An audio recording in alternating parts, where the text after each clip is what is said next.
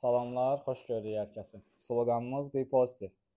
Bugünkü mövzumuz sizlərlə olacaq şəxsi bacarıqlar. Bizim şəxsi bacarıqlarımız nədir? Biz onları inkişaf etdiririkmi? Bu haqqda heç düşünürükmü? Biz tanıyırıqmı şəxsi bacarıqlarımızı?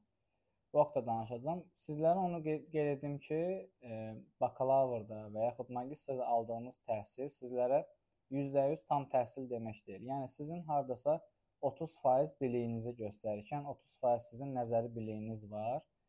Qalan 30% isə praktiki biliklər göstərir.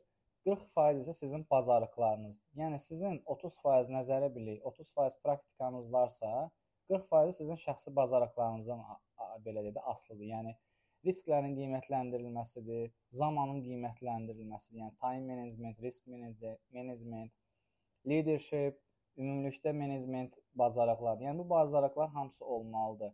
E, sizin zəif xarakterləriniz hansıdır? Məsələn, sizə çox iş verəndə siz onun öhdəsinə gələ bilirsinizmi?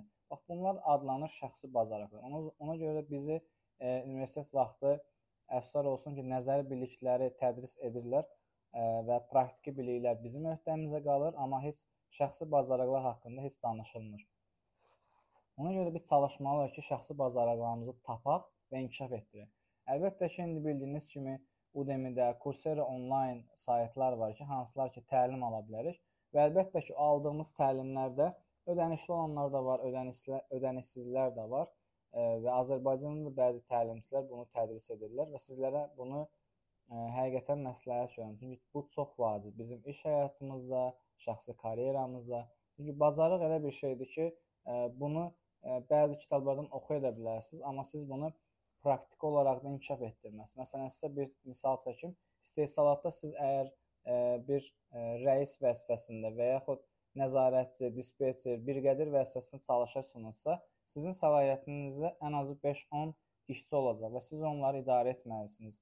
İşçinin biri xəstələnə bilər, işçinin biri işə gəlməyə bilər və siz artıq burada sizin idarəetmə bacarıqlarınız önə çıxır və siz lider olaraq qərar verməlisiniz. Çünki hər bir şöbənin belə deyək, qərar vermə məsuliyyəti var. Yəni sizdə o məsuliyyət olur ki, siz o işə gəlməyən və yaxud xəstə olan işçinin əvəzinə məsələn 10 nəfər işçisə, 2 nəfər yoxsa 8 nəfər qalır və siz elə bir idarəetmə etməlisiniz ki, 8 nəfər həmin 10 nəfərin işini görməlidir. Və yaxud əgər şərait yaranırsa, siz də ona kömək etməlisiniz. Bəzən ə, bizim yerli şirkətlərdə bunlar baş verir ki, ə, rəhbərəm mən, mən sizə dəstək olmayacağam, amma 8 nəfər 10 nəfərin işini görsün, amma ümumilikdə bu ə, liderlik və rəhbər vəzifəsindədir ki, o da sizlərə kömək etməlidir. Yəni hər kəs bunu etməlidir. Çünki ə, əgər biz şirkətin işçiləri isə bu deməkdir ki, biz hamımız işçiyik və hamımız bir-birimizə dəstək olmalıyıq. Çünki əgər bir işçi bu gün gəlmirsə, biz onun yerinə elə işləməliyik ki,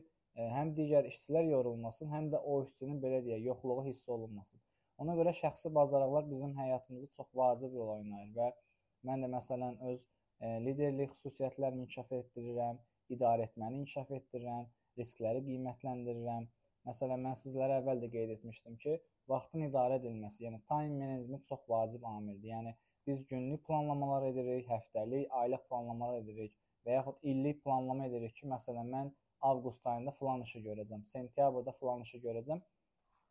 Artıq bizim üçün bir növ daha rahat olur. Çünki günlük də planlamalar etmək vacibdir. Yəni biz deyirik ki, okey, mən bu gün ərzində bunları edəcəm. A, okey, onları isə digərlərini isə etməyəcəm. Ona görə hamısını ciddi, punktuallıqla fikirləşmək lazımdır. Yəni e, bu time management bizim işimizdə də lazımdır. Şəxsi markamızı yaradırıqsa da, həyatımızda da bu olmağı yaxşıdır ki, bir növ artıq məsələn mən təlimlər keçəndə mənim üçün daha rahatdır. Qeydiyyat aparıram ki, ha, okey, deməli saat 10-da bir təlimim var, saat 12-də bir təlimim var və bu artıq mənim üçün daha rahat olur və e, planlama şəkildə mənə bu kömək edir və bunu iş həyatımda tətbiq edəndə artıq insanlarla bir növ daha rahat ünsiyyət qura bilirəm və e, öz cədvəlimi deyirəm ki, mənim bu günlük cədvəlim. Məsələn, yəqin fikir vermisiniz, e, çox məsəl üçün şirkət sahiblərində onlar üçün planlama edən işçilər var ki, onlara bildirir ki, gündəlik olaraq və yaxud bu günlük gün sonunda bildirir ki, növbəti gündə sizin hansı işləriniz var və bu çox vacib amildir. Yəni bunu hər bir şəxs etməlidir. Yəni vəzifəsindən asılı olmayaraq, istər fəhlə olsun, istər nəzarətçi olsun, istər mühəndis olsun, istər rəhbər olsun, bunu hər kəs etməlidir. Çünki insana bir növ rahatçılıq verir ki, ha, okey, saat 12-də mənim təlimim var, deməli 2 saatım var, demək başqa işlərdə görə bilərəm. Amma siz fikirləşin ki, planlama olmasa sizi bir növ ə, əskildə bilər. Məsələn, risklərin qiymətləndirilməsi var. Məsələn, biz yolda keçərkən baxırıq ki, okey, yolda maşın yoxdur, o zaman piyada keçidindən biz yolu keçə bilərik. Və yaxud ə, belə deyim, hər hansı bir ərazidən keçir, binada bir ə, çöküntü halları varsa, bir artıq alternativ olaraq digər yollardan istifadə etməliyik ki, orada hər hansı bir uçqun baş verərsə, biz xəsarət almayaq. Və bunlar hamısı ümumilikdə şəxsi bacarıqlar gedir və siz öz şəxsi bacarıqlarınızı inkişaf etdirsəniz, inanın ki, sizə bu həm iş müsahibəsinə kömək edəcək, həm şəxsi markanızda, şəxsi brendingizi yaradanda sizə kömək edəcək. Yəni bir növ siz 1-0 öndə addımla, addımla ə, addımlamış olacaqsınız və bunun fərqini hiss edəcəksiniz. Yəni mən sizə bunu bir növ ə, düşünmək üçün deyirəm ki, siz bunu həyatınıza tətbiq edin, həyatınızda istifadə edin və nəticəsini görəcəksiniz. Çünki ə, planlı şəkildə riskləri qiymətləndirmək, bunlar hamısı kompakt şəkildə bizim inkişafımız üçün, bizim uğurumuz üçün çox vacib amildir. Əgər bunlar hamısı ardıcıllıqla baş versə, inanın ki, fərqini hiss edəcəksiniz. Ümid edirəm ki, sizlər üçün faydalı bir ə, podkast oldu. İzləmədə qalın və əgər ə, podkast mövzunuz mövzusu olsa, ə, rəy bölməsində və yaxud mənə sosial şəbəkələrdən və yaxud WhatsApp nömrəsindən mənə mövzunu yaza bilərsiniz. Dinlədiyiniz üçün təşəkkür edirəm.